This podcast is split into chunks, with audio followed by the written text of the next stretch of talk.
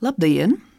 Es esmu Anna Vulāne, Latvijas Universitātes profesore, Latviešu valodas institūta vadošā pētniece, valodniece. Vai jūs zināt, kāpēc UNESCO svinamo dienu kalendārā iekļauts 2023. gada 22. februāris? Tā ir Latviešu klasiskās valodniecības pamatlicēja un izcilākā starptautiski atzītā latviešu valodnieka Jāņa Enzelīna 150. dzimšanas diena. 2012. gadā Eiropas eksperti par pašiem izcilākajiem zinātniekiem no Latvijas ir atzinuši valodnieku Jāni Enzelīnu, ķīmiķi Vilhelmu Ostvaldu un fiziķi Juri Upatnieku, ierakstot to Eiropas Atlantā. Šis ir Enzelīna gads, un Latviešu valodas institūts viņam par godu ir sarīkojis apvidvārdu talku, notiks arī vietvārdu diena, izstāde, konference, tiks izdots Enzelīnam veltīts žurnāla numurs Lingvistika Letika, un arī dažādos citos pasākumos tiks godināts izcilākais valodnieks. Par Jāni Enzelīnu un viņa devumu valodniecībā ir daudz uzrakstīts. Gan desmitiem rakstu, varbūt pat simtiem, gan monogrāfiju un atmiņu krājums. Skaidrots arī uzvārda dažādās rakstības iemesls. Proti, baznīcas grāmatās un citos dokumentos bija dažādi varianti. Enzelīna, Enzeliņa, Enzelīte, Enzeliņa, kā nu kurš rakstvedis bija pierakstījis. Tāpēc vecākais brālis ir Enzeliņš, bet jaunākais Enzeliņš. Savukārt Jānis, stādamies gimnāzijā, nepareizo īt kristām zīmē pats izlabojis uz visiem laikiem, lietojot kauguriešiem raksturīgo seno piedeikli īnu. Un par šo uzvārdu arī 20.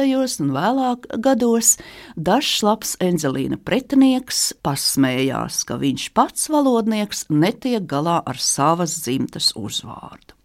Šodien domās atvērsim karti un paskatīsimies, kurp vedis viņa dzīves ceļš.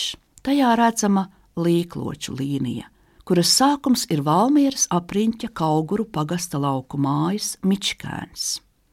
Te 1873. gada 22. februārī pasaulē nāca nākamais izcilais latvietis - spēcīgas, strādīgas, talantiem apveltītas dzimtas pēctecis.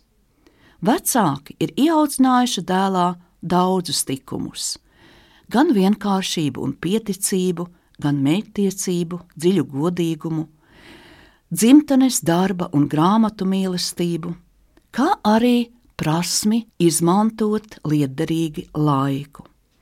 Savukārt kalpone Marija Gaile bija tā, no kuras Enzelīns mācījās, kā viņš teica, īsto latviešu valodu, un visu mūžu bija viņai pateicīgs par šo guvumu.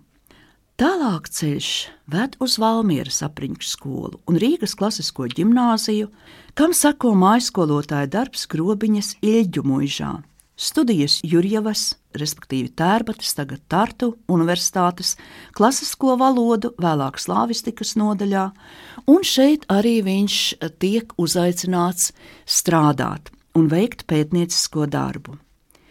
1909. gadā Encelīns kļūst par privātu docentu vēlāk ordināro profesoru Harkivas Universitātē. Tiesa, viņš jau pirms tam tiek ievēlēts par profesoru, bet Krievijas varas iestādes tikai pēc trim gadiem viņam piešķir šo statusu. Tikai 1920. gadā ceļš ved atpakaļ uz Latviju. Un te sākas profesora darbs Latvijas Universitātē, tiek izveidota pasaulē pirmā baltu filoloģijas nodaļa, filologu biedrība un latviešu valodas krātuve. Protams, ir arī daudz citu pienākumu. Līdztekus akadēmiskajam un administratīvajam darbam notiek intensīvs zinātniskais darbs un valodas kopšana. Kara beigās Enzelīns nedodas emigrācijā, kā to ir darījuši daudzi citi Latvijas inteliģences pārstāvji. Jo, kā viņš teica, mācītājam un skolotājam jāpaliek pie savas tautas. bet pienāk 1950. gada 1. aprīlis. Enzelīns iesniedz atlūgumos, kā viņš pats lietoja šo vārdu, un aiziet no universitātes. Kāpēc? Ļoti vienkārši. Tādi laiki. Daži nekrietni studenti un kolēģi panāca, ka Jānis Enzelīns tiek padzīts no augstskolas, kurā nostrādājis 30 gadus. Kādā lekcijā viņš sevi raksturoja šādi: Es, Jānis Enzelīns, budžeta dēls, esmu zemojies tikai dieva un sava tēva priekšā.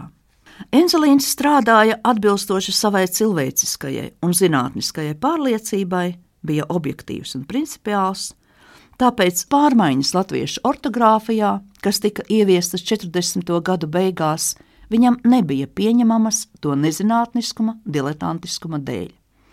Savu viedokli viņš pauda arī lekcijās, kā arī iestājās par to, ka jāaicina atgriezties Latvijā no universitātes emigrācijā aizbraukušie valodnieki, garantējot viņiem darba vietas. Enzelīns, viens no nedaudzajiem, uzturēja arī kontaktus ar represētajiem studentiem un kolēģiem. Tas viss jaunās varas pārstāvjiem, protams, nebija paprātam.